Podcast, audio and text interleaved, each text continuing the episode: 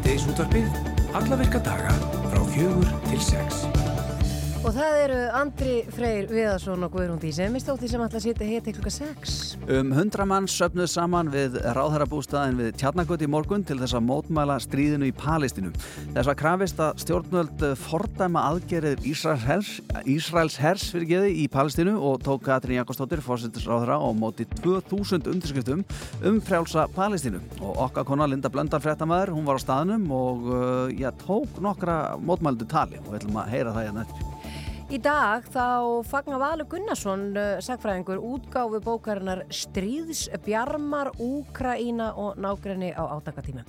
Stríð breytir öllu og mótar allt, en um hvað snýst stríðið í Úkrænu og hvernig er fyrir fólk að lifa við stríð? Valur stundaði nám í Úkrænu og hann held þangað aftur uh, nokkru mánum eftir að stríðið hóst til þess að leita svara við þessum spurningum og fleirum og hann ætlar að koma til okkar á eftir og segja okkur betur frá ja, stöðunni í Úkrænu eins og hún er og, og svo, svona já, hann er líka þarna að kafa í nágræni og hvers vegna stríð breyst út? Akkurat og það veitur nú ekki á að, að fá fréttir þannig því að það er virðast vera á undanhaldi þegar annað stríði tekur við eitthvað neginn, þetta er svona Þetta getur þessu? Já, það er alltaf þannig, það Já. er alltaf eitthvað eitt sem er einblínt á Alltaf bara pláss fyrir eitt í einu verðist vera. En stríði stoppar samt sem aður ekkert fyrir það. Eh, Teitur Magnússon, tónlistamæður, hann kemur til okkar á eftir og ætlar að taka fyrir okkur eitthvað smellin í beitni útsendingu og, og, og, og smita okkur með sínum þokka Já, það er svona til að minna okkur á að það er föstudagur. Það þarf ekkert að gera það, þú ert ekki búin að gera annars Við erum bara að vera loftinu hérna í svona þrjár mínútur, þú ert ekki búin að gera annað en tala um þessi föstudagur Skinjar þessi spenna í loftinu hjá mér að það sé föstudagur. Já, ég geri það. Já, þetta er- Kvíði hjá mér, aðskilnaði kvíðin Já, þetta er einhvern veginn, eh, bara veðrið er búið að vera þannig í vikunni. Það er- að maður er dasaður eftir þessa viku. Herri, Við erum að detta hérna í, sko, það, það er oktober, sko. Já, já, Við erum að fara að slefa í nóvumber, sko. Við erum að fara að slefa Við hverju búist þið hérna? Ég hefði viljað Það hafa var snjó. sól og blíða. Snjó, Já, já, ok. frekar, Já, frekar. En allavega, eh, ættum að tuða. Allt í góðum uh, Alla konur og kvár eru hvað til að leggja niður störf á þriðdægin uh, Frá 1975 þá hafa konur lagt niður störf sex sinnum til að mótmæla kynbundnum í setti og nú á að gera þetta í sjöndaskipti og að þessu sinni þá á að leggja niður störf í heilan dag. Og er þess krafist að kynbundnu og kynferðislegu óðbeldi verði útrýmt og að störf hvenna og kvára verði metin að verleikum. Skipileggendur hvennaverkvælsins hyggjast byrta tossalista yfir atvinnureikendur sem að hamla þáttöku hvenna og kvára í hvennaverkvælinu og við ætlum að ræða eftir við Ingu Auðbjörguström land viðbröðstýru hvennaverkvælsins og, og fara yfir öll þessi mál uh, með henni. Já, já. Í ár er þess minnst að 150 ára liðin síðan að fyrsti stóri hópur vestufara fór, frá, fór vestur um haf frá Íslandi til Kanada og að því tilindi þá eru opnaður nýr og spennandi gagnagrunnur á vegum átnastofnunar um handrit og bref íslenska vestufara. Verkefnið hefur fengið heitið í fótspor Átna Magnússonar í Vesturheimi og uh, fer fram formleg opnuna þing á morgun í, fyrirlæstarsal Eddu og það er hún Katarín Parsson, verkefnastjóri hjá Átnastofnum sem að kemur til okkar eftir og ætlar að segja okkur nánar frá þessu. En við ætlum að byrja á þessu hérna. Ingibjörg uh, Ísaksen, alþingiskona og þingflokksformaði framsakaflokksins hefur ásand fleiri þingmönnur lagt fram frumvarp á alþingi um breytingu á lögum um fæðingar og fæðingar orlof og hún er á línni. Kontu sæl og blessu Ingibjörg. Já, komið sæl. Uh, getur þú sagt okkur uh, í hverju já, þessar breytingar felast? Já, svona í stuttum máli þá er ég að horfa til þess að uh, þannig verður leggja til í rauninni sjálfsæðar breytingu sem er liður í því að auka réttindi á hvers fólks sem að já, til japs við aðra því að teknu frjófukun og tengda meðferðir þetta er oft langt og erfitt ferli og inngrip sem hefur áhrif á einstaklinga bæði líkamlega andlega og, og kostnæður töluverður og niðurstaðan ekkit alltaf sjálfgefin stundum þarf að fara í þessar uh, aðgerðir eða meðferðir nokkur sinnum og í raun er ekkert í lögunum í dag sem að tryggir uh, þessa einstaklinga frá því að vera sagt upp á meðan og þessari með þeir stendur. Mm -hmm. Við erum með það í lögunum í rauninni að um leið og uh, starfsmæður hefur tilkynntum fyrirhugaða tökufæðingar og fóldólus þá er ekki heimilt að segja að við komandi starfsmænu upp en þetta næri ekki yfir þá sem að eru í þessu ferli sem að geta verið eins og ég segi tímafrekt og, og ansi dýrt. Já, og hafið þið... Ég er að leggja það til. Já, og hafið þið heyrt já, einhver dæmi þess að fólki sé reynlega sagt upp þegar að fréttist að það sé í þessu ferli? Sko ég, ég veit ekki hvort það sé mjög algengt en ég hef alveg já, ég hef heilt dæmi þess efnis uh, þar sem konur hafa verið í þessari meðferð því að stundum er það þannig að viðkomandi verður bara veikur, getur ekki sendt vinni sem skildi og það getur auðvitað verið erfitt fyrir alla aðeila og þeim hefur verið sagt við. Þannig að uh, við sjáum líka núna að þessum meðferðum hefur fjölgað mér um helming hér á landi sístu fjóra ár. En á síðasta ári þá voru 571 teknikflökunna að gera framkvæmt mm -hmm. sem þýnir rauninni bara í mínum huga og undirstryka mikilvæg þessa máls. Þannig ég held að, að það sé að vera mikilvægt að bregðast við þessum, breytta veruleika okkar. Og hvar stendur málið þá núna þegar þið eru búin að leggja þetta frumvarp fram? Uh, hvað svo? Herri, já, við erum búin að leggja þetta fram og uh, ég er búin að ræða líka við ráþeira sem að tók mjög jákvæmt í þetta og er að skoða þetta hjá sínur ráðanetti Svo verðum við bara að sjá og hundi fæ ég að flytja máli í þinginu og, og það fær sína þinglu meðferð. En ég allavega hef fengið mjög jákvæð, mjög jákvæð viðbröð við þessu þannig ég vona að þetta nái að, að komast í gegn. Mm -hmm. Það er gott mál. Við fylgjumst uh, áfram með þessu. Ingi Björg Ísaksen, takk fyrir að vera á línu hjá okkur og góða helgi. Herri, takk, takk. Sumulegis. Bestlegaðis. Rástvö. Þú ert að hlusta á síðdeis útvarpið á Rástvö.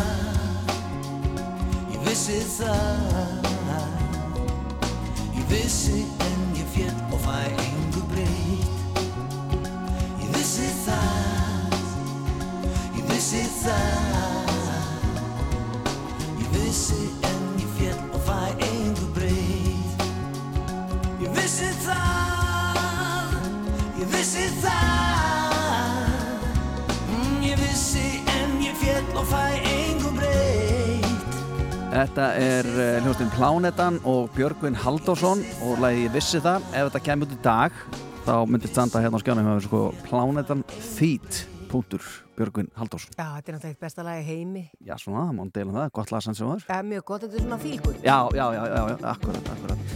En uh, Valur Gunnarsson, hann er mættur til okkar og uh, við ætlum að ræða við hann um ástandið. Ég, það er svona eins og vorum að ræða henni upp að þáttakuna að það virðist alltaf bara að vera pláss fyrir eitt stríð í einu í fréttum og uh, það er náttúrulega ennþá stríð í Úkrænu þráttur að, að það sé líka allt vittlust á Gaza og Valur var líka að gefa út bókina Stríðsbjarmar og uh, við ætlum að ræða þess við hann um hana líka Sætla og blessaður og velkomin Takk. Þú ert nú svona manna segastur í að fylgjast með uh, málum uh, á þessu svæði í heiminum. Mm. Hvað er að gerast núna? Því að ertu ekki sammálað þessu að, að það er einhvern veginn svona, svona já, það verður minna fréttum þaðan þegar eitthvað annað tekur við? Algjörlega, það var náttúrulega algjörlega horfið og sem kannski hlaut að gerast fyrir það síðar að þú veist, restin af heiminum stoppar ekki þó að það sé stríði í Ukrænu en ég held að fólk hafi líka almennt bara mestan áhuga á framtíðinni. Og svona stjórnmála skýrindur eru oft allt beðin að spá í spilin og velta fyrir framtíðinu og þegar að Putin gerir innrást í Ukrænu þá var endalastur að velta fyrir hvað næst minna ráðast á Póland, Íslandslöndin Finnlandi að bel og, og, og endalusar vangaveltur og síðan þarf að ljóst að stríði í Ukrænu myndi vera takmarkast við Ukrænu þá náttúrulega var áhugð minni og, og það er svolítið sama núna í Gaza að, að við vitum raunverulega ekki hvað gerist hvort að Líbanunni dragast inn í Sýrland amerísk flugmóðuskiparna og þú veist og þegar kannski ljós kemur síðan að, að, að það takmarkast bara við, við gasa þá er kannski fólk sjálfsög minni á örlum Þegar, þeirna, en það er, það er svona þegar allt er á reyfingu og enginn veit hvað gerist næst sem, sem áhugin er mestur Já, það er svona ljótt að segja kannski að það var ekki jafn spennandi. Nei, það er náttúrulega það sem gerist næst er alltaf mest spennandi og þegar það er ljóst að það kannski að það er bara það sem gerist er bara það sem er að gerast og ekki meira þá, já, Já. þá fyrir áhugin annað Já. Já. Uh, Þú stundaðir nám í Úgrænu og þekkir þetta svæði vel og uh, þú ert að gefa út bók sem heitir Stríðsbjarmar Úgrænu og nágrænu átaka tímum. Uh, þú ert búin að fara þarna út núna eftir að stríð brýst út uh, og þú talar eitthvað um það í bókinni að stríð brýst út, uh, þú veist síðan aldrei hvernig það endar, hvernig er að lifa í stríði og annars lit. Hvernig, hvernig er staðan? uh, að minna stað, staðan á Íslandum eða staðan bara í samfélaginu almennt. Það er Já. náttúrulega, er sko, Ukraina náttúrulega er óbúslega stórt land. Það er eins og Putin hafi ekki tekið það með inn í reikningin að það er nánast jafn stórt og öll vestur Európa. Þannig að þetta er allt frá sko vestast í landinu er ekki einu sinni curfew uh, yfir í Donbass þar sem að sko allt er bara slögt og lokað og, og bannaður út eftir nýja á kvöldin og ég, veist, engin áfengisalaði neitt og, og þú náttúrulega eru stanslist bara heyri trr, trr, tú, tú, tú, að það nótina sko og, og síðan er alltaf á milli Kív þá er lífið svona tilturlega eðlegt fyrir þann reglulega loftarna sírinu sem að flestir hættir að taka alvarlega. Það er það tekst núlega skjóta niður allt sem flýgur í borgina þú veist, það er mjög óheppin eða þú fær dróna í hausinn sem er að skjóta niður. En það er, það er hverfjú eftir minnætti um, má ekki vera úti. Ég sem bladamæður er faktist löglegur á nætunar ég get, grei, get gert grein fyrir ferðum mínum og ég fór einu sinni með írskum kveimdagjaramanni og það er það er rosalega sterk tilfinninga að lappa í gegnum manni við að borg sko sem er svona að eiginlega fátt ég að friðsanlegt og svo borgundir herrlögum þegar það er bara engin á ferli og við erum meira sem er tónlist að láta vita af okkur því að maður vil ekki koma nefnum á óvörum sko. Það er svona John Sweeney blaðamar sem ég þessi líka, hann var svona appisnugla húu sko, þú vilt vera sínulegur til þess að líti ekki út fyrir að setja sniglast sko. Já. og það geti haft slæmar afleðingar en að eða þegar maður er komin austar þá náttúrulega er öll ljós slögt og náttúrulega sé maður stjörnunar rosalega skýrt og svona kannski einstakar sinnum hæmarsflögar eða eitthvað að fljúa yfir sko.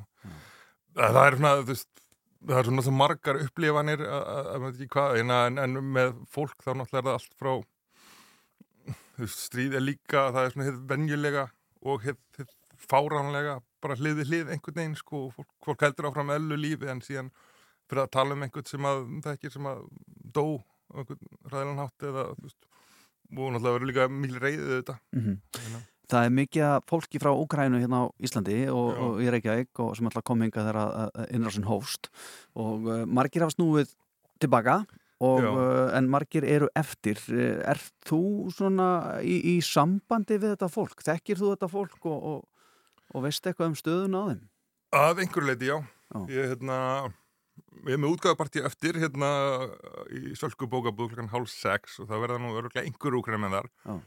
Um, þetta er fyrst þegar stríðið breyst út, þá tóku það svo mikið á mig persónulega hafandi ný verið þarna og, og mitt líf umturnast það líka og ég, síðan var ég náttúrulega strax að því ég er búin að skrifa þessa bók Bjarmalend dregin fram í fjölmjölan ég er náttúrulega strax heila í, í hérna ringin og ég hef mikið velt um mig hvað ég geti gert. Mhm. og eitt af því sem að ég svona gerði framanna var setja maður í samband við flóttamenn en, en ég hef bara segjum svo er að það er hefur verið mjög vel haldið utan um það. Þannig að þetta þeir sem hafa komið hinga hafa alltaf jafna held ég dafna nokkuð vel fengið atvinnuleifi og sýnir bara líka hvað er hægt að gera við viljum fyrir hendi og það er fullt af lausum störfum líka sko, þannig að það er ekki eins og hérna Mhm. þurfum ekki að holdi halda þannig að ég, ég satt að segja hérna átti meiri, laði meiri púður í því það er fram í hótti að aðstofa nokkru landlóta rússa eða hvít rússa sem er mjög erfiðara uppdrættar því þeir fá ekki sama Já. Mm. sama svona hrað, hraðafgræslu og, og geta lendi mjög vondum málum með þeir sendt Já. allan heim, sko. Þú spyr, já, ert að leita svara við mjög stórum spurningum í þessari bók, til dæmis eins og um hvað snýst stríð í Úkrænu og hvernig er fyrir fólk að lifa við, við stríð. Uh, og þú varst að segja hérna rétt á hann að, að fólk væri alltaf að hugsa hvað næst og ég ætla ekki að fara að beða upplýst eitthvað um eitthvað sem er að gerast í bókinni en hvað sérð þú fyrir þér að gerist næst? Hvernig endar þetta og, og mun þetta enda? Það veit náttúrulega enginn meðal, meðal fólk sem kynntist og sem ég fjallaðum er hérna meðlumur úr Karlísku ansbyrnurhefingunni sem vil sjálfstæða Karlíu sem er svona svæði uppi Finnland og hann er að velta fyrir sig bara ef Rúsland klopnar í hérna 20 mismandi parta eða eitthvað þannig sko. Þetta er alltaf svona einu möguleikunum sem kannski er svolítið langsvættur en, en, en möguleiki samt sem áður. Uh, yfir í já, er mér það sem það hvorkilega gengur nér rekur hjá neinum á vístöðunum nema óbúslega hægt. Þannig að það er alltaf líkur að því að þetta haldi áfram. Síðan er spurning hvort að það enda þá með það er erfitt að sjá fyrir sér fríðarsamni hvort það endi bara með svona vopnalíf einhvers konar svona kóri ástandi það sem að sem er svona hvort í stríðinni friðurinn það sem menn hægt að skjóta Mhm. eða eða þetta endar með algjöru hruni aðrar hvora þjóðar eins og gerist þið fyrir heimstyrjöld og þá hvort það er líklega að það verði Rúsland faktist eins og gerðist nú vel næstu því í sumar þegar Progovisin sóttið á Moskvu Já, já. Sko, bókiði nýja, uh, Stríðsbjarmar, er þetta, mm, er þetta, hvað er að segja, einhvers konar, jafnvel sjálfstætt framald af Bjarmalund? Það má segja það sko þegar hérna Salka útjöndum minn vil nú þess ekki kalla hana Bjarmalund 2 en þetta er, já hún er í svipum dúr, þetta er ferðasaga og reyndar með náttúrulega með þetta stríð sem, sem hérna í forgrunni, sem á bakgrunni. Og persónulega saga einhver leiti líka, þetta er eitt og hálft ár í mínu lífi bara frá því að stríðið byrjar og, og, og stríðið séð bæði hérðan frá, af því að það er svolítið áhvert líka að skoða hvernig þetta byrst okkur í Íslandi gegnum alls konar fólk sem fer þangað með tengsli og, og bara og síðan yfir til Úkræna og síðan bara yfir á vikstöðarnar og tilbaka. Og síðan fer ég líka alveg aftur í tíman eins og það er stóra spurningar en, en stóra spurningar, þetta eru alveg stór svör sem er bara þúsund ára saga Úkrænu og það er óbúinlega áhugavert hvernig Úkræna eða það sem að Úkrænamenn vilja meina hafið Úkræna sem er Garðaríki eða Rús byrstist okkur í, í fortsögunum og Íslendingasögunum. Já. og hérna, þetta þykir mjög alveg fýtt staður sko, þetta heitir Garðaríki vegna þess að, að þetta er svo margir garðar, margar borgir. Og hérna og það er svona plott í mörgum af þessu fortsögum er að fara til Garðaríki og giftast prinsessinu þar sko, það er svona giftast prinsessur og Garðaríki er þetta fínasta sem þú getur upplifað. Stundum heitlaði kongi, stundum lendir í átökum en hann er alltaf svona heið, heiðvirðu maður. Hann Jærisleifur er oftast sem var raunverulega til þó þetta sé svona algjör æfintýri og hérna já, og Ukrænumenn eru svolítið uppteknir af þessari sögu og að þeir eru svolítið að búa sér til svona raunverulegu þjóðasögur núna og þeim eru mjög gaman af svona tengingum við Norðurlönd og svona sem að rússar hafa síður. Já, Þeir vilja endilega, þeim finnst bara fínt eða það eru vikingar sem stopnuðu hérna hérna fyrstu Úkræðinu en, en rússa vilja ekki heyra það minnst að þeir líða þetta sem er fyrsta Rússland Já. það eru vikingar og, og hvort að Garðaríkir var Rússland eða Úkræðina er einhver litin djúpa ástæða þessar átaka sem Putin vísa mjög mikið í sko Já. því hann vil meina að Úkræðina sé faktist ekki til með vísun í þessa fortsögu Akkurat, akkurat. Magnað og uh, hún kemur út í dag eða?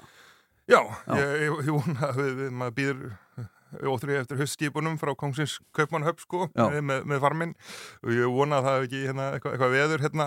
Já, já. ég held, ég held, mér skilst að kipa að við komið fyrir töndum síðan þannig að þetta er verið að búið að fyrir með það núna. Ok, hérna- ok, þannig að þú ert að fara að sjá hana veintalega í partíinu og, og fleiri. Já, ég hef bara ekki, ekki síðan að- enn sem komið er sko nema Nei. bara hérna í einhverjum PDF-fílum og svona sko. Að, hérna, Þetta er íslenska veðráttan, maður getur ekki trist neinu. Nei, nei, en þegar maður er að skrifa bók um stríð þá held ég að maður verði alltaf að gera, gera ráð fyrir eitthvað svona óreiðu Já, þætti sko það Já. er sjálfna sem allt fyrir alveg eftir áallin Já, hérna. Já. En eru allir velkonir í, í útgáðu teitið? Já, heldur betur. Þetta er náttúrulega hérna uh, fyrsta tækifæri að fá þessa bók á, á afslætti sem en ekki kannski bjóðast Mhm. aftur á næstunni Einmitt. og hérna og einhverjar veitingar í, í bóði sem sagt og síðan líka kom út bók í sumar sem heitir What the Vikings that Conquered the World á ennsku sem að þetta er svona líka svolítið samild útgáfart fyrir hana en fyrst og fyrst bara fyrir stríðs bjarma þannig að já, það er allir velkomnir eftir. Ok. Eftir klukkutíma. Geggja, þú Já. þetta smetlaðir í teiti og Já. uh, við ætlum að heyra. Salka bókabúða, hverju skutunni rétt fyrir hlem? Já, svo ætlum við að heyra í teiti Magnúsinni, þetta rétt eftir, hann á leðinni með gítara með sér. Hann ætlar að spila. Og ef við ekki að rauka okkur með honum eftir. Jú, jú, Valur Gunnarsson, takk fyrir komuna.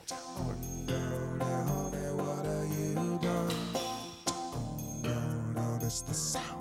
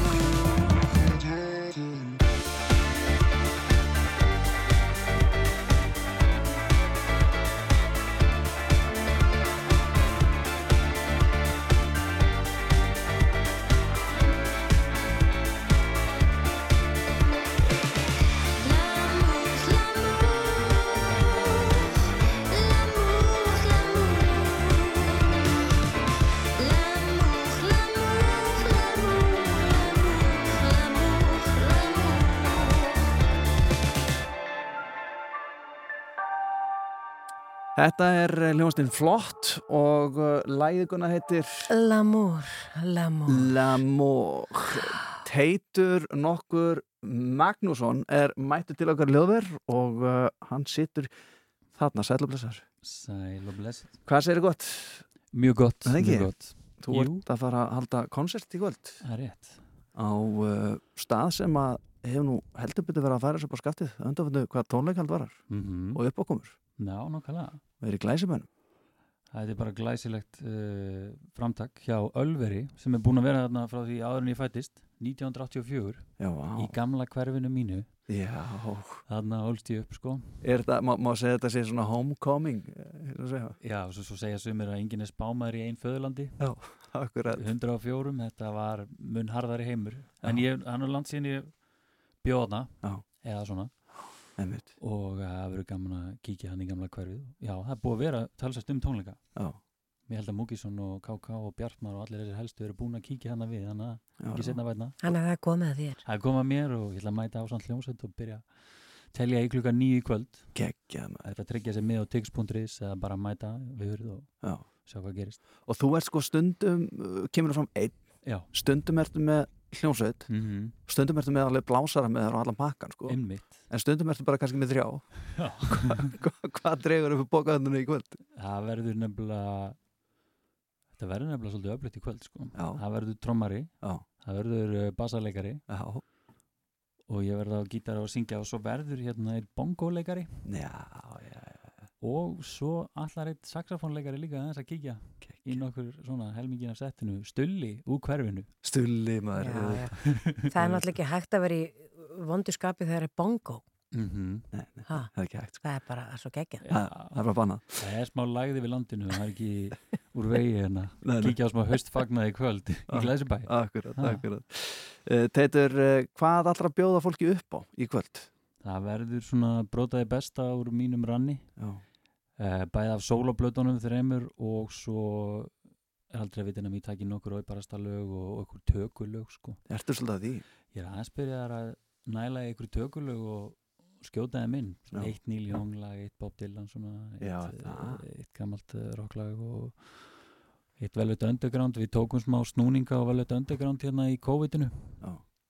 nokkri félagar og þetta er svona þetta Akkurat. liggur í manni sko. Tókuð ekki heila blödu?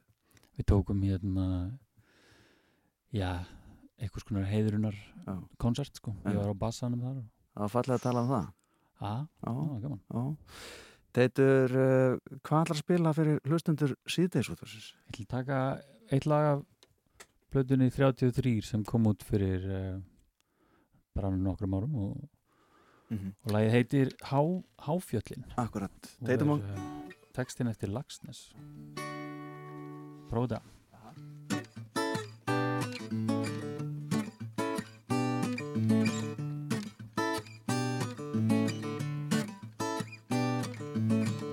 Þar sem háfjöllin heilugur í samót heiðskýrin norður átt. Á landi íslenskra ísap þar er þér sál mín dátt svo dátt.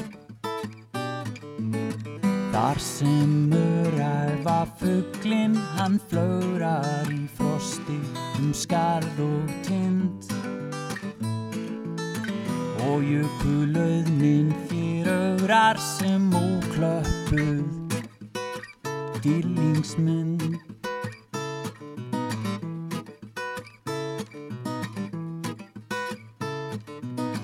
Þar sem urð hæð og innbúi vaka eldborgin hvítar ís og fornir fjallgalar kvaka þar finn ég þig. Loks mín dís Áfurum þér sælan sefur af sjónum þér. Andvakan skín. Og mjúktum þinn meitum vefur hún mjöllin sitt. Frostalín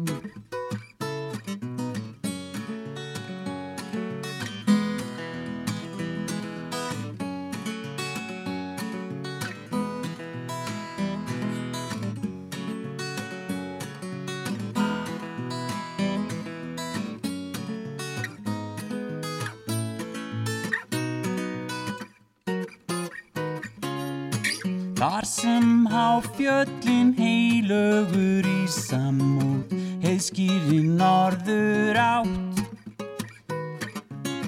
Á landi íslenskra ísaf þar er þér sál mín dátt svo dátt. Þar sem öræfa fugglin hann flögrar í frosti um skarð og tind. Wow, wow, wow, jökulauðnin þér augrar sem óklöppu Dýrlingsmynd Dýrlingsmynd Teitur Magnússon í beitnu útsendingu í síðdeisótröppinu og uh, það verður meira um þetta á Ölver í kvöld. Uh, Teitur, ánum við hverju þig? Þú uh, svona berð uh, að þetta þokka að vita meir en við hinn. um, nú er lægð yfir landinu og þetta fer alveg ægilega í suma og fólk á svona oft erfitt með þetta og, og verður svona daufar í dálki en, en vennilega Ert þú með ykkur heilaráð fyrir fólk sem á erfitt með læðina? Já, bara feysa læðina sko. Feysa læðina bara taka henni tak, taka hana inn sko. Bara, ræta hana út sko. Það þýðir ekkit að láta eins og ekkit sé Nei, nei.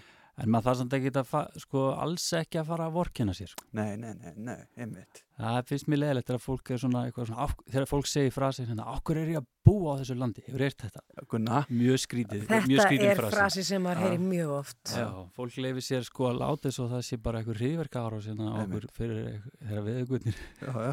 látið sér heyra Einmitt. en já, Svo verður fólk þreytt Auðvitað á tilbreytingaleysinu í veðráttunni á sumustöðum á jörðinni, þar sem er alltaf sóleð. Einmitt Fólk verður þreytt á því líka. Já, já. Er ekki ná gott, spyr ég Peitur Magnússon, takk hjá fyrir komuna Já. og gangi þér og þínum félögum vel í kvöld takk fyrir það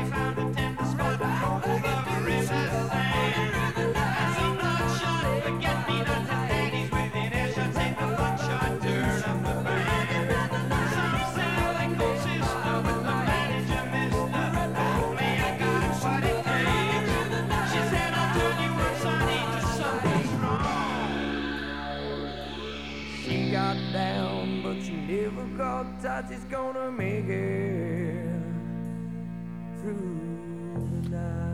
Þetta er Manfred Mann og lagið Blinded by the Light en það er uh, fimm fréttirinnar réttanda á hotnið og svo höldum við nú heldur betur áframguna. Það er kvennaverkvallið sem er uh, í næstu viku. Við ætlum líka að tala um uh, verkefni hjá átnastofnun, Já. vesturfara og svo er það mótmærin sem voru fyrir utan ráðherrabústæðin í morgun. Akkurat Linda Blöndal á staðnum að tala um mótmældur. Allt þetta framöndan eftir smá stund en hérna er FM Belfast sem eru líka að koma fram um helgina á tónleikum. Per Avion heitir þetta lag. We were lying down in front of our house in the summertime, in the summertime.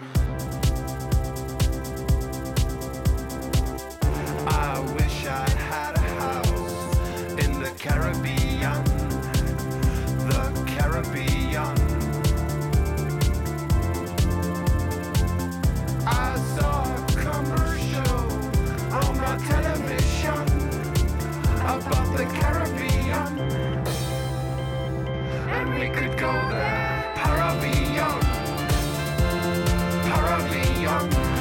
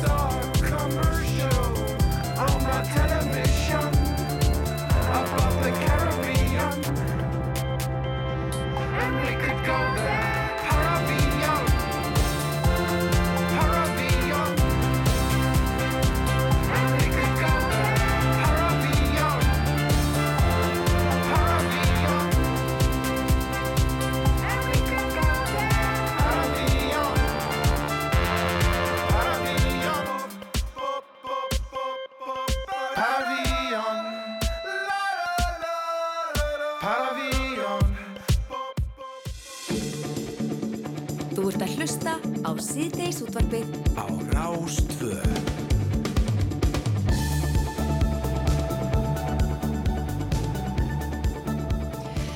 Já, við höldum áfram á setni klukkutímanum uh, og við ætlum að snú okkur næsta þessu hérna. Allar konur og kvár eru hvað til þess að leggja niður störf á þriðudaginn næstkomandi, það er 24. oktober. Uh, Frá 1975 þá hafa konur lagt niður störf sexinum til þess að mótmæla kynbundnu misrétti og nú á að gera það í sjöfunda skiptið og að þessu sinni á að leggja niður störf í heilan dag. Þessi grafist að kynbundnu og kynferðslegu ofbeldi verði útringt og að störf hvenna og kvára verði metin að verleggjum. Verleikum segi ég. Skipilegjendur hvenna verkfallins hyggjast byrta lista yfir atvinnureikundur sem að hamla þáttöku hvenna og, og, og kvára í, í hvenna verkfallinu og við ætlum að eða næstu mínutunum í að tala um uh, verkfallið. Þetta er hún, uh, eða viðburastýra verkfallisins er komin ykkar til okkar. Það er hún Inga Auðbjörg Strömland, kontur sæl og blessuð. Halló, halló, halló. Stýttist í þetta? Já, það gerir það. Það er svona teljari á, á síðun okkar og, og það er okkur svolítið kviðavaldandi sem að vinnum við þetta en uh, það stýttist í þetta og við erum bara ótrúlega spennt. Uh Á meðan þeir eru spennt þá eru einhverju kvinir uh, sem að óttast að, að hér muni allt uh, lamast þegar að konur leggja niður störf en er það í rauninni ekki bara tilgangurinn? Jú, konur og hvað við erum náttúrulega ómissandi þannig að auðvitað, auðvitað mun samfélagi sannarlega taka eftir þessu. Það eru ekkert allir vinnistæðir sem að bara fungera án okkar. Um, Það er búið að loka skólanum á já, já, sömu skólum sko, þannig að, já, já. Já, já, það er, uh, konur eru í miklu Já, meiri luta í uh, ákveðnum stofnunum, uh, heilbyrðistofnunum, skólum og, og leikskólum og fleira Mhm. og, og, og það eru sumar þessara stofnuna breiða þau ráð bara að einfallega loka og, og það, fólk finnur fyrir því, fjölskyldur finnur fyrir því. Akkurat, Mhm, akkurat. Uh, og þeir eru búin að vera skipulegja þetta hvað lengi? Uh, ég, þetta er búið að vera sagt eh, bara síðan í sumar þá komið þessi samtök saman sem að standa svolítið eh, bak við þetta verkefni. Það eru hérna á, á já, það eru yfir 30 samtök og þá kviknaði hugmyndin að svona að, að fara að gera þetta aftur og það er, við gerum þetta síðast 2018 og það eru liðin fimm ár og síðan þá hefur margt breyst en líka ekkert breyst og við, sérst, verkefnið á 50 samanlega eftir tvö ár um, en við teljum okkur ekki geta beðið í tvö ár í viðbót. Það sem eru svona langu tími sem það var síðast og eins og segir, það, og ekkert hefur breyst. Eh, er þá markmið þetta skiptið að höggið verið jafnvel þingra? Já, við ætlum að minnst í heilstagsverkvall, alveg eins og var gert 1975 Já. og það í eðli sínu hefur meiri áhrif á uh, innviði samfélagsins heldur en að ganga út klukkan 14.55 eða 15.15 eða hvernig sem það hefur verið síðustu ár. Um, þannig að þetta ánáttúrulega hrista svolítið í stóðunum um, en líka bara af því að, að við erum að, að fókusera á þessi tvö málefni uh, vannmatt á uh, svokallum kvennastjættum og störfum kvenna almennt hvort sem það er launuð vinna eða, eða þessi ólaunuð vinna sem að fer fram bara á heimilum hjá fjölskyldum. Um, og svo kynbundið ofbeldi og kynbundið ofbeldi er ekki hægt að mæla í mínútum Nei. þannig að við gerum þetta heilan dag Já. Eh, hafið þið eh, já, fengið margar fyrirspurnir eða símtöl þar sem að konur eða hvár eru að segja ykkur frá því að annarkot fyrirtækið eða stofnuna sem þau starfa hjá ætli ekki að styðja við þetta. Já, við fórum svona að fá uh, fregnir af þessu ákveðum bara að setja einfallega upp gátt til þess að halda auðvitað um þetta á vefnum okkar og þar getur fólk uh, sett inn ábendingu þar sem að, að þau eru að benda á annarkvort að, að þau megi ekki ganga út eða að þau fá muni ljóta einhverja launaskerðingu eða, eða aðra einhverja svona uh, aðþrengingu í vinninni og við höfum fengið einhverja ábendingar, það er alveg, það er alveg þannig. Um, en þessar ábendingar eru líka þess eðlis að þá getur við bröðust við og sendt kvartningu á fyrirtækin að gera betur og það hafa mörg þar gert. Um, þannig að listin styttist það er uh, gleðiefni. Uh, hann lengist náttúrulega líka eftir því sem að ábendingarnir eru fleiri en, en við, já ég vona að sko fyrirtæki svolítið svona rangi við sér um helgina og hugsi já það er, það er rosa kraftur og það ætla svo mörg að vera með og við verðum bara að gera fólki það kleift Já. Hvað með neikvæðir rattir uh, samfélagsins? Það, það eru nú alltaf ykkur, það er sama hvað það er og við grunum nú að það sé ykkur sem eru fúlur á móti. Já, já, og það sína bara einfallega þörfuna á þessum viðbyrði. Já. Það er undirstrykka bara það að það er uh, mikil andstaða ennþá og, og konur og hvað búa við um, bara uh, mótstöðu, ofbeldi, jaðarsetningu og það eitt og sér bara gerir þannig dag þess verið, sko. Já. Eh, Það er verið að mótmæla meðan annars 21% lægri laun. Það er launamunur á eftir kyni. Mm -hmm. Skýtur það ekki svolítið skökku við að einhver fyrirtæki ætli ekki að greiða laun eh, þó að konur og hvár leggja niður þarna störf eitt dag? Jú, við vonum náttúrulega að fyrirtæki bara sjáu mikilvægu baráttunar og, og séu með, séu tilbúin í að leggja sitt að mörgum í að vera með. Það eru uh, svo mörg fyrirtæki sem eru að skreita sig með jaflunavottunum og þau sem gera hitt og þetta og þetta er bara eitt af því sem við ætlumst til þess að fyrirtæki geri. Það er að standa við bakinu á starfsfólkinu sínu sem er að berjast fyrir þessu. Þetta er einn dagur á, á margra ára tímabili og, og ég hugsa að fyrirtæki fara nú ekki alveg á kvolf þó að starfseminn skerðist einhverju leiti í þennan eina dag. Mm -hmm. Að þessum lista sem þið ætlaði að byrta, það eru örugglega einhverjir stressaðar að lenda á listanum. Hvenar og hvar verður hann byrtur? Við ætlum að byrta hann eftir helgi þannig að fyrirtæki hafa uh, helgina til þessa endurskoðastefnir sína og kominni áfram til síns starfsfólks um, og endilega svara tölupóstunum okkar um verkfallið ef þau vilja losna við það að lenda á þessum lista, já, en það verður eftir helgi þegar við erum búin að reyna uh, mögulega árakurslaust eða með árakur að ná í þessi fyrirtæki. Já, aðeins að viðbörðunum sem að verða því að það er í raun einstakt að árið 1975 skildu konur leggja niður störf og halda niður í, í bæ hér og uh, fjölmenna uh, ef maður hugsa eftir þetta í sögulegu samengi það voru engi samfélagsmiðlar og uh, voru, þær voru algjörði frumkvöðlar að gera þetta og þetta þykir einstakt í veröldinni uh, Þú voru að peppa núna konur og kvár í það að koma og hvert er að mæta og þau að mæta og, og hvernig verður þetta? Já, við verðum náttúrulega með stóran fund við Arnarhól klukkan tvö á uh, þriðudaginn og þar verður tónlist, þar verður ræður, þar verður bara baróttu andi og ég hvet öll sem að ætlum ekki geta valdið til þess að koma þangað, um, líka þau sem er heima í sveitafélagunum svona í, í ringin í kringum Reykjavík, Borgarnes og, og Akranes og Selfoss og, og Reykjanes og allt það. Og svo verður uh, verða baróttu fundur um allt land. Uh, ég var síðast að frétta af hérna ströndum, það verður fundur á, á Drángsnis, það verður fundur á Neskupstað uh, Kvamstanga, Vík Vestmannum, það verða alls konar fundir um bara allt land. Og svo í Reykjavík aðalega, að verður við með fleiri dagskrálið, það verður skipilegu dagskrál allan daginn. Það er morgunganga utan um tjörnina, það sem að konur og hvar geta komið saman og drukki kaffibóllan sinn og, og hérna blóta ferveldinu og svo verða uh, alls konar uh, fyrirlestrar og, og málþing og peppfundur í, í Bíóparadís, það er bara skemmtilega dagskrá Mhm. sem að hérna, ég mæli með að fólk kynni sér á, á uh, kvennaverkvart.is og skrifi hjá sér hvað þau ætla að gera í staðins að, að mæta í vinnuna. Já. Sko, nú verður sítiðis útarpið þennan daginn uh, ansi lamað. Ég mun sitja hérna einn á borin efið og, og hérna, gera mitt allar festa, ég haldi uppi góðum þætti. uh, Og, og, Elsku hjarta. Já, og uh, hérna, ég er svona að velta fyrir mér og, og margir efist í minni stöðu sem er, sem er í fjölmjölum. Má maður ringja í konu og taka, mætti ég til dæmis ringi þig bara þegar þú ert eitthvað staðar í einhverjum maður sem viðbörum og segja, já, hvernig geng, hefur þetta gengið fyrir sig? Er ég þá að draga því í vinn? Þetta draga mig í vinnuna. Ég er svona að velta fyrir mér, en Eh, ég mætti, ég er að reyna að bóka viðtælinu leðin. Já, já, já, já, já, sko það er náttúrulega ekkert eitthvað svona gullið svar við þessu eða einhver, einhver yfirlist stefna verkfælsins. Ég myndi segja Ok. að þú meir uh, tala við konur um jafnbretti og um hvenna verkfallið Akkurat. um þessi málefni. Já. Ekki reyna að fá viðtal Nei. við fósittisráðara um nei, nei, nei. stýrivexti Nei, nei, eða ég, eitthvað álíka ég, óspennandi. ég kann það ekki, getur Nei. stelpun að segja um það. Já, hún ætla líka að leggja niður störf. Já. Já, já, já, já. Það er náttúrulega bara Ok. svo ekkert. Þannig ég ringi þig.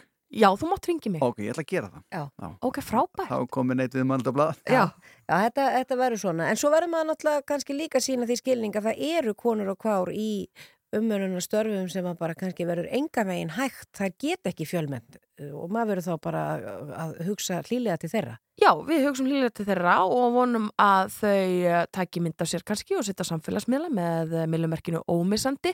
Svo verðum við með kveðjugátt og erum með kveðjugátt á vefnum okkar þar sem þú getur sendt kveðju inn til okkar og við ætlum að reyna að byrta svolítið slatta af þeim á skjánum á Arnarhóli. Mhm. Þetta er svona, svona rýmar svolítið við símskeitin sem að voru 75 og voru sendar kveðjur alveg niður á Arnarhól og af, bara af skipum og alls konar stöðum.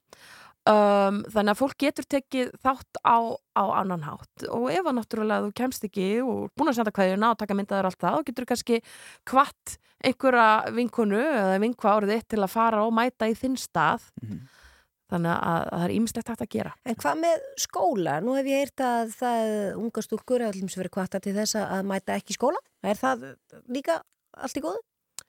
Já, það verður náttúrulega hver að- gera það upp í sig hvort að þau mæta í skólan eða vinnu eða ekki en, en já, ég held bara að fólk að verið í verkvalli hvort sem að það er uh, launuð vinna eða, eða skóli sem er nú líka ákveðin vinna Já.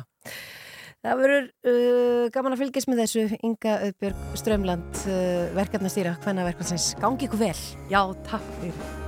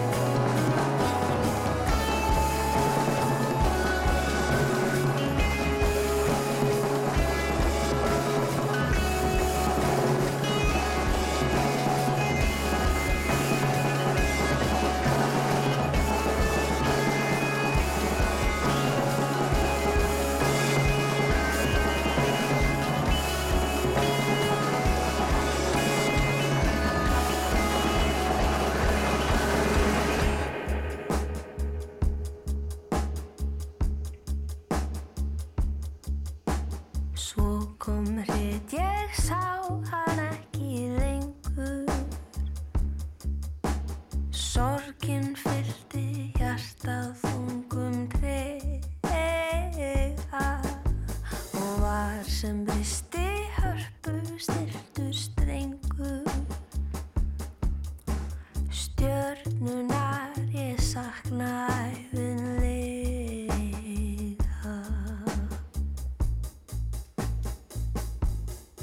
Rástvö Síðdeis útvarpið Á Rástvö Way I'm looking at you, whatever. Keep looking at me. Getting scared now. Right? Don't feel me, baby. It's just Justin. Feel good, right? Listen. I kinda noticed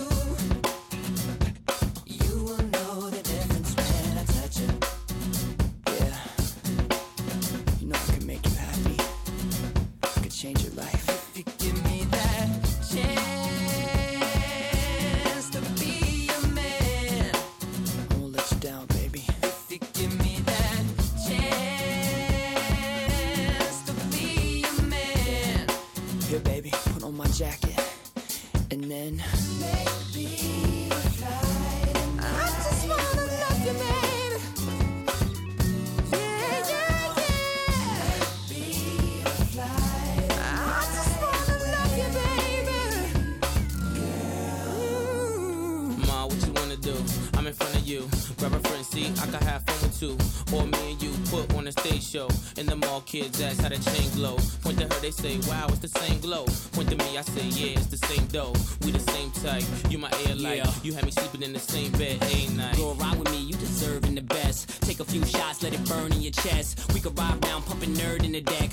Funny how a few words turned into sex. Play number three, joint called brain. Ma took a hint, made me swerve in the lane. The name malicious, and I burn every track. Clips in J Timberlake. Now how heavy is that? day.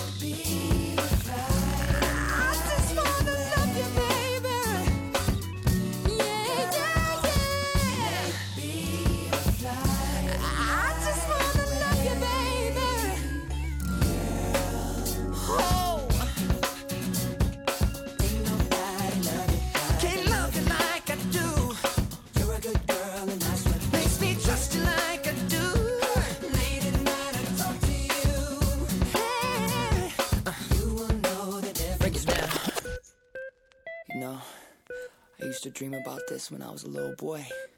I never thought it would end up this way. Drums. Hey! It's kind of special, right?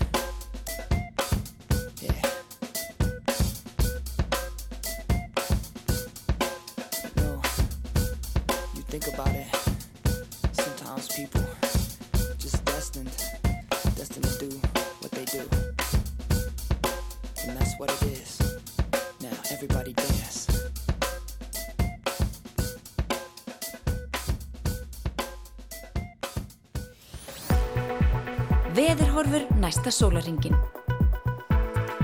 Það er komið aðeins, Andri. Já.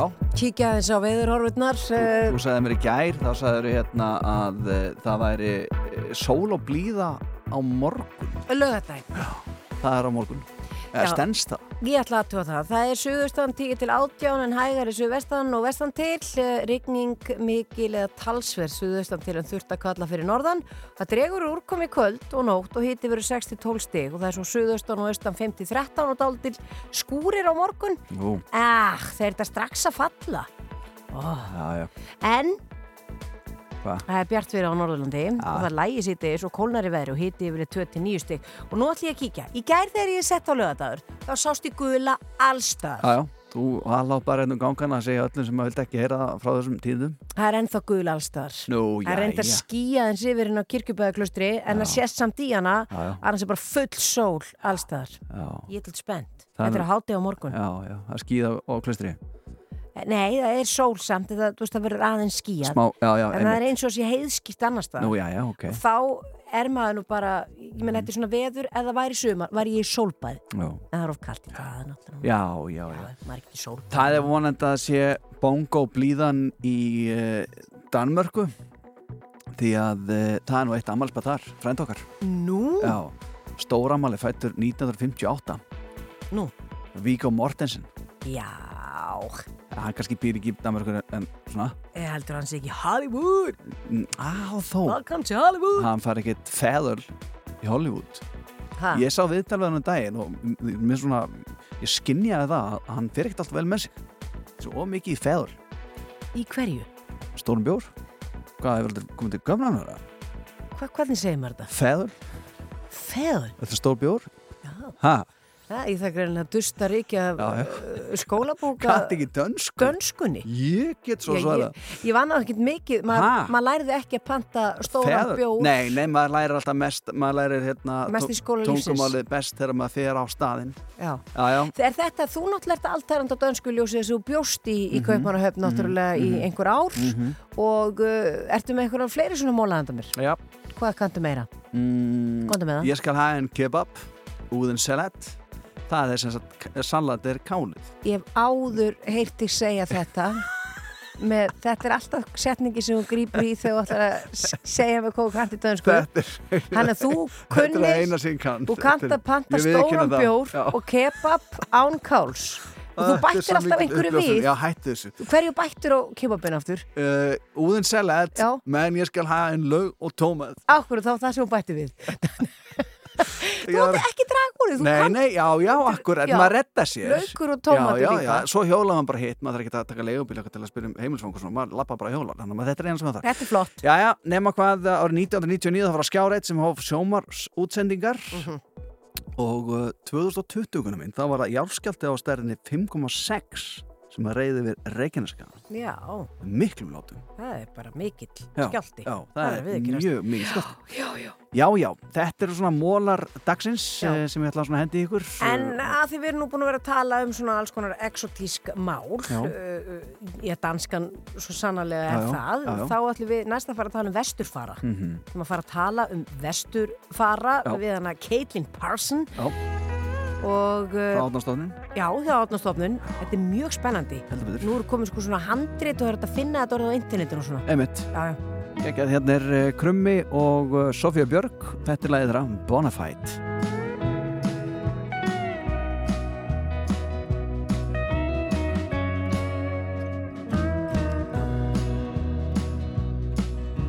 Grab your coat, put on your shoes, let's go.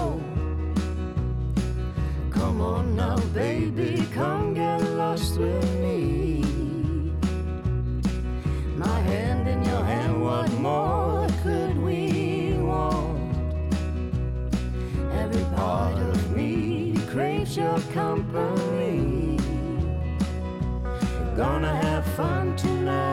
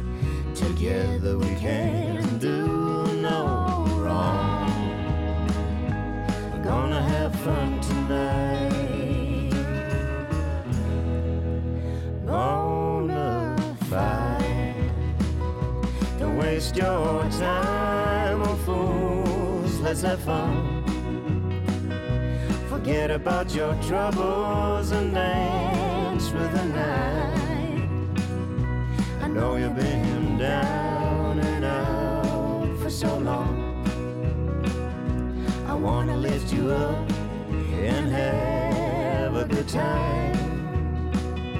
We're gonna have fun tonight.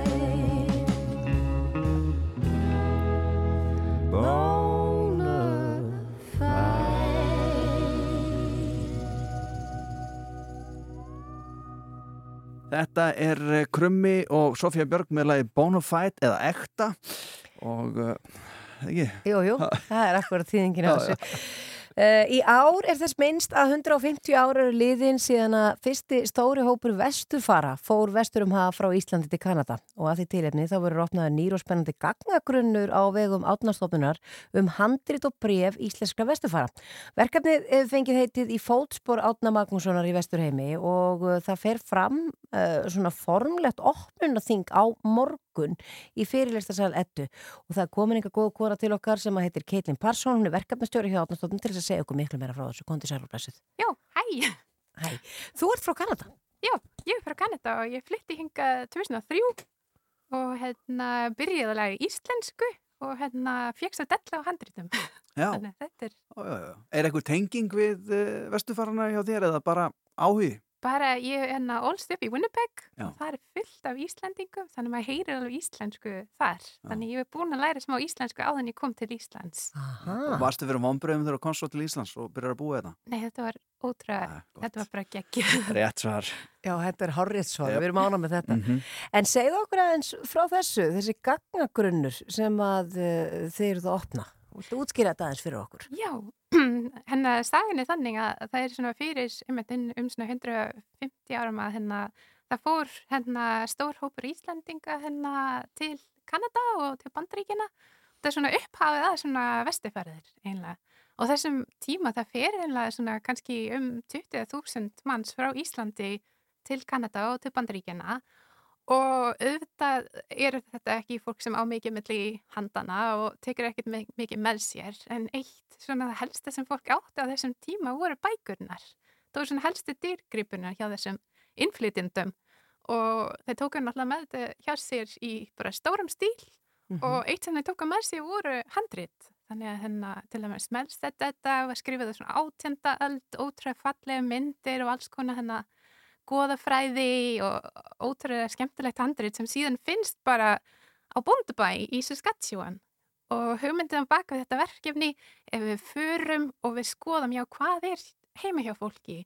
Það er ekki hugmyndin að reyna að taka allt aftur til Íslands og bara hæ er komin, ég vil allt sem er á íslensku heldur bara, þetta er svona sameinlega arfur sem við viljum gera aðgengilegt Já. á hennar báðamálunum. Já, og fólk var sérst að taka með sér rít og bækur uh, var það það að því þetta var eins og þú segir, það eina, einu dýrgripin sem það átti eða vildi það halda í íslenskuna og varvita íslenska menning og sögu og kannski leifa börnunum sínum að lesa íslensku Algjörlega, þetta var bæði í rauninni. Það voru oft handrið sem hefði gengið í ættir eða voru kannski, þú veist, afi menn skrifiði þetta þannig að það var mjög persónulegar tengingar með, oft við handriðin. Það voru líka margir sem fóru sem hérna, átti ekki mikið og, hérna, en voru mjög virkir í að skrifa allt. Þetta var svona DIY menning á þessum tíma að þessi búið til eigin handrit og skrifa allt upp og hérna, dreifa hérna, þannig að þetta fór við um sveitir Mhm. fólk voru að lesa, lesa handrit og búið til handrit á þessum tíma þegar hennar vesturferðið byrjað þannig að það er ósköp öðlulegt að taka þetta með sér Já. síðan Og verður þetta, þessi gagnagrunur þá, eh, getur maður þá flett upp í þessum handritum? Já, það er einmitt hugmyndin að, og við fengum rosa stuðning frá öllum sem við heimsóttum að það mætti þess að taka myndir af þessu og ekki bara það að það mætti þess að sína öðrum að þetta eru ekki handrit sem hafi verið aðgengileg. Það er oft svona kannski bara 5-6 mann sem hafa kannski skoðað þessi handrit síðustu 20-30 ár. Já, og fóst þú þá til Kanada og varst að skoða þetta og skjálsið þetta þannig að þetta væri, gæti komist á þetta tölvutækaform? Já, og þetta var í rauninni stærri hópur, þannig við vorum nokkrar doktorsnemur, ég var þá í doktorsnámi og hérna, við vorum nokkrar og við fórum á sittkort svæði að því að Íslandingar dreifiðist rosalega víða á þessum tíma. Það var sem við sem fórum til Úta, sem við farið til Vesturstrandar, sem við farið til Manitoba, North Dakota, Minnesota og hérna, þannig að þetta er rosalega stort svæði sem við þurftum að skoða og Já. við þurftum að fara og Saskatchewan við fórum þangað og Alberta við fórum þangað þannig að þetta var, þetta var bara svona kortur í COVID Já. í rauninni sem við förum í þetta ferðalag Já, já. saman. Þetta verður mikið ferðalag. Hva, hvað tók uh, langan tíma að standi í að sapna öllum þessum handritum? Sko, ég byrjaði hérna 2009 Mhm. að taka myndir af handritum en þá var ég bara heima hjá mér í Winnipeg að gista bara hjá mamma og pappa og skoða handrit í frínu bara og líka í tengsla við verkefni sem var þjá Rannís sem var um hennar svona 17. og 18. aldar handrit en síðan hérna, þegar við fengum hérna, styrk til að gera þetta stærri og svona stórkostlegri þá vorum í rauninni frá 2015 öll hennar sumrin þangað til bara 2019 þá förum við aftur í ferð og ætlum að gera þetta aftur 2020 og þá bara COVID Já. og ekki meir. En ég verð verð að spyrja að því að þú talaður um það að þú ólst uppi það að heyra íslensku að þú ert fættu uppalinn í Winnipeg þar sem, að, þar sem að voru margir afkomendur íslendinga. Og svo ferðu þarna og vantarlega hittir fólk sem eru afkomendur þeirra sem að fóru út með þessi handrit og þessa bækur. Er fólk enn að tala íslensku? Þetta er náttúrulega mingandi þannig að þegar ég var unglingur það voru fleiri sem töluðu íslensku þá. Þannig að ég gatt svona, ég var svo heppin að hitta margir sem voru þá svolítið svona eldri en, hérna, en það eru alltaf Íslandingar sem koma til Winnipeg og hérna, það er kona sem heitir Gun, hérna, Gunnvar hún var fyrst í íslensku kennarinn minn. Þá var ég svona 15-16 ára að læra íslensku og þá var Ísland ekkert stort land í túrismunum. Þá var bara engin svona vissi enlega hvað Ísland var en það var samt svona hópur fólk sem var að koma saman og læra íslensku. Já Magna. Heldur að sé, sko, það, er mental, já, það eru mæntalega fleiri handrir sem þeir ekki ennþá komist í og mun þá bætast við í framtíðinni jafn óðum? Já, það er algjörlega hugmyndin þannig núna við erum að fagna að þetta svona opninu þing á morgun en að byrja klukkan halv tvö þá erum við að fagna í rauninni við erum komið þúsund Mm. hérna handrit og bref og bækur þannig Já. að þetta er svona áfangi Mhm. Já. en þetta er í rauninni bara byrjunin þetta er langtíma verkefni að tala við fólk og vekja svona meiri aðtiklega þessu þetta er ekki bara eitthvað drast Nei. í hérna bara í, í bilskurnum sem, Kjallaranum, í nei, nei. kjallaranum eða Akkurat. á hálett Er, er þetta þá ekki líka svolítið mikið af svona persónlegum brefum? Þú meina, þú veist, þegar að ættingar eru að senda fréttir af sjálfum sér annarkur tíðan eða þaðan? Jú, algjörlega, en á þessum tíma þá var ekki eins mikið um að fólk verið senda svona enga bríf, svona alls ekki sína öðrum. Nei, nei, nei. Þannig að þetta var oft hugmyndin að maður var kannski að senda eitt, tvö bríf á ári og þá voru það hérna löng bríf og svolítið ítaleg og þá voru brífin ofta að fara milli húsa. Þannig að eitt sem við gerðum fyrir fólk sem töluði ekki, þú veist, fólk sem taliði ekki íslensku en átti eitthvað heima hjá sér, þá fórum við og gátum farið yfir bara, já þetta er það sem brífið segir. Ah. Og það var rosalega magnað. Já, því að fólki fyrir. vissi ekki og... Hvað stóð? Já, einmitt, hvað stóð. Já, þetta er alveg magnað og verður hægt að uh, nálgast þetta þinga á morgun eins og þú segir í, í, í ettu þar sem að væntarlega allir velkomnir Algjörlega. uh, verður svo hægt að fara þá bara inn á átnastofnun til þess að hafa upp á þessum gaggangrunni Algjörlega, þannig að þetta er svona grunnur opnun á morgun Mhm. Og þá verður bara hægt að fara inn á otnastofnin og fara að kíkja og leita að ættingum og stöðum og hérna bara og svo er þetta bara sér. verk í vinslu bara um ókomna tíð Kekja. Já. Þannig að fólki hér heima líkar eitthvað sérstaklega illa við ættinga sína, þá er von. Það gætir að þetta finna gamla ættinga sem þið viti ekki af og það í Kanada. Algjörlega. Frábært. Keitlin Parsson, verkefnastjóri hjá átnastofnun bara takk fyrir þetta og, og gangi ykkur vel á morgun og við hlökkum til að, fylgjast með þessu verkefni í fótspor Átna Magnússonar í Vesturheimi Takk fyrir.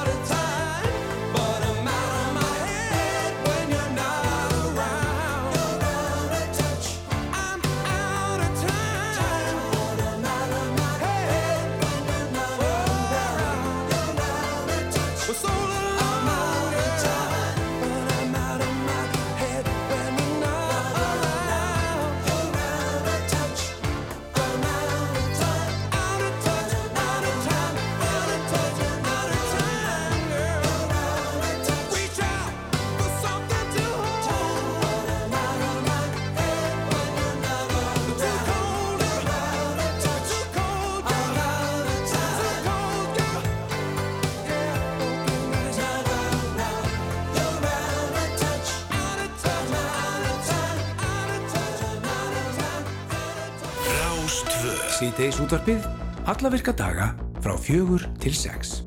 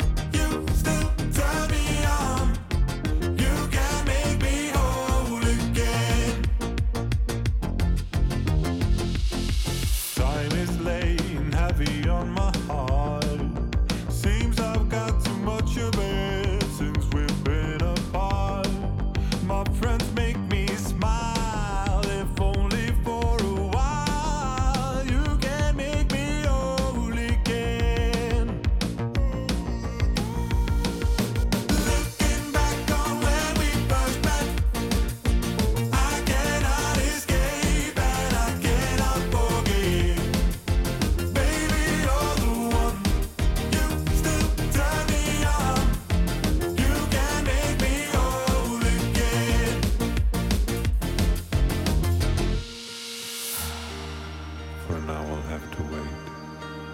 But baby, if you change your mind, don't be too late. Cause I just can't go on. It's already been too long. But you can make me whole again.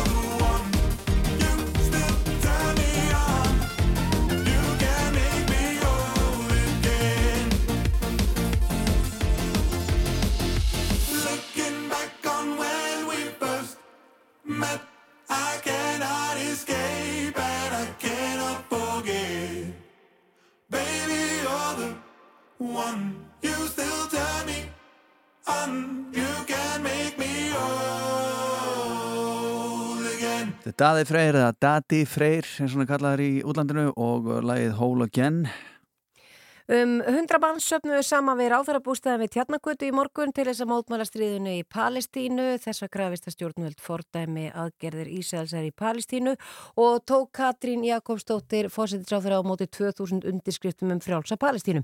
Og Linda Blöndal, fréttamaður, hún var á staðnum og tók nokkra mótmælendur tali. Nú að því að þessi samstöðu fundur skil einhverju. Já, ég hlýt að verða að trúa því, annars væri ég nú ekki stattur hérna. Þú ert einn af þeim sem er vantarlega skrifað undir. Uh, hverjar eru svona vonir þínar um viðbröð Katrínar? Ég bara vænti þess og ég geri bara hérna, kröfu til þess að Ísland beiti sér og uh, fordæmi þetta þjóðamál sem er að eiga sér stað. Mér finnst að sæta algjöru furðu að við ætlum bara að sita hérna hjá og fylgjast með þessu í beinni útsendingu gerast. Hvaða áhrif getur Ísland haft? Já, ég meina, við tökum þátt í allþjóðu samstarfi, við erum aðila saminuð þjóðunum, við höfðum, við höfum oft haft áhrif á, hérna, í, í ímskonar allþjóða samhengi og, og hérna, við getum gert það núna líka. Að við trúa því að þessi samstöðu fundur skil einhverju? Já, vonandi skilur það að, að ríkistjórnin fordæmi það sem er að gerast á Gaza og fordæmi Ísrael. Það er ekki nóg að segja að þetta sé hræðilegt og eitthvað svolítið. Það þarf að nefna Ísrael líka á nafn. Þannig það er þess að við viljum fá út úr þessu. Hvað segir þú, heldur að uh, þetta muni skil einhverju? Já, vonandi og það er bara óskandi, bara nógu nóg. Já, þessi fundur, uh, sér þið fyrir þér að, að hann muni breyta einhverju? öll mótmæli breyta einhverju og þetta er náttúrulega bara eina sem hægt er að gera og þetta er alveg náttúrulega hryllilegir uh, atbyrðir sem eru þannig að gerast þetta er bara óhært mér hef hert að í bandaríkjunum séu gýðingar fannir að mótmenna og skildu þeir vera gýðingahattarar. Trúið þið að þessi fundur skil einhverju? Já, maður myndi ekki mæta svona fundum að maður bara ætlaðist til þess að skila einhverju því að hérna er fjöldi manns sem krefst eh, hérna, aðgerða að hendi ríkistjórnarinnar. Hvað eru þau tólf? Þau ætti að geta reykað einhverju upp í saminningu sko. Eins og til dæmis því að hérna, bara að, að fordæma sko, þess, þetta þjóðamór sem er í gangi. Hefur Ísland þessa vikt sem þarf? Um, á síðustu öld þegar að um, hinn hræðilega helfur hafði átt sér stað þá var það sameigilegt lofvörð alls manns, mannkins að hver og ein manneskja ætlaði að axla ábyrð á því að eitthvað því líkt myndi ekki gerast áður um, að sjálfsögðu hafa þau þá vikt en þau þurfa þetta fyrst að horfa í speilin um, að axla ábyrð sem manneskjur um, finna sína samhigð og berjast svo á hennum pólitíska vettvangi. Og það er ekki hægt að þóla það að íslensk stjórnvöld, stjórnvöld í friðsælu, vestrænu, velsældar ríki skuli á tímapunkti eins og þessum ákveða enn á ný að styðja blóðþorsta og tilraun til um, þjóðverðnishreinsana. Það bara er ekki hægt að sætt sig við það. Ég held að langstærstur meiri hluti Íslendinga þóli ekki framkomi stjórnvalda á þessum tímapunkti, þóli ekki undirgefnina við bandaríkin, þóli ekki það að um, teki sér þátt í að heimila þann hrylling sem að nú á sér stað. Um, þannig að ég vona að þetta fólk sem þarna er inn í lokað um, sjáu þá sem að hér eru hér úti og aðalega horfi inn á við og takist á við sjálfsig og hugsi hvort þau vilji virkilega lifa sem manneskjur sem að taka þátt í að styðja hryllinga eins og þann sem að nú á sér stað. Já, þið höfðu til fólksins sem er innilokað hér núna. Já, að sjálfsögðu. Sveitrúna, hverju getur svona samstöðu fundur skilað? Svona samstaða skilar sér alltaf. Því að uh, þegar við stöndum hér, þá stöndum við hér til þess að krefjast vopnalist, tafarlaust. Þessu blóðbaði verður að linna. Oft hefur þetta verið hræðilegt í gegnum árin, en aldrei eins og núna. Og ég er alveg samfærður um það að, að þessi hópur sem hér, þessi góði hópur sem hér er, sem er ekki nema hluti af miljónum manna um allan heim, sem hrópa frjáls Palestínu eins og það heyrir. Það er alþjóðleg samstafa gegn þjóðarmorði í Palestínu. Þetta er ekki stríð gegn einhvern stjórnmálasamtökum eins og Hamas. Ekki einu sinni gegn hernaðararminum Mag Al-Qassam sveitónum. Þetta er stríð gegn íbúum Palestínu, sérstaklega gegn börnunum á Gaza. Þetta er útrýmingarstríð. Það er það sem þeir hóta. Og við verðum að gera allt sem í okkar aldi stendur til að sína samstöðu í dag.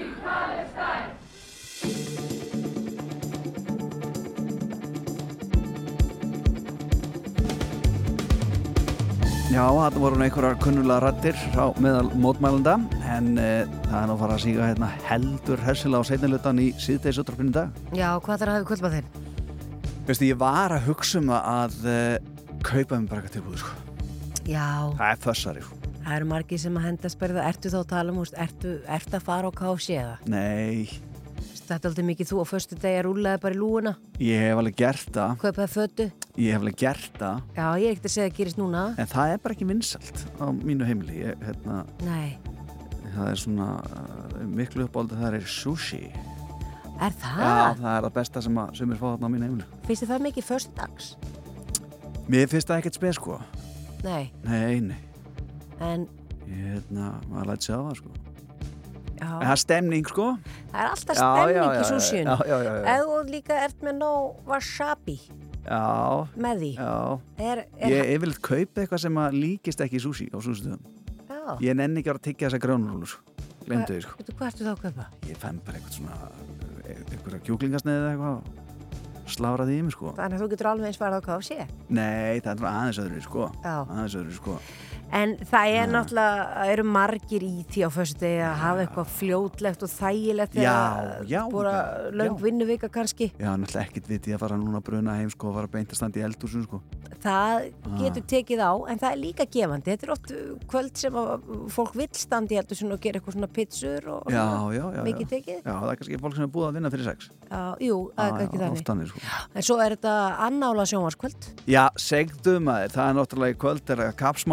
Já, það er vikan með GM já, já. Og, og hérna og Berglind Festival. Já, já, og, og uh, svo er kveipmyndin Everything, Everywhere, All at Once. Ég er búin að sjá hana. Það er nú meiri gröturinn maður. Eh, Þú er búin að sjá hana, ekki? uh, Eitthvað, ég byrjaði á þessu ég, Hún er samt þannig ég- að ná- þú það mikið- inn í Það hana. er svo mikið. Já, þú horfir á hana og þú það. getur ekki hægt Þetta er svona áreiti einhvern veginn Já, en fyrir- þú, þú verður að sjá hvernig hún endaði Nei, það, það, það skiptir að ég held ég myndi ekki skilja þetta. Jú, en Andri, hún er veginn þannig að þú getur ekki beðið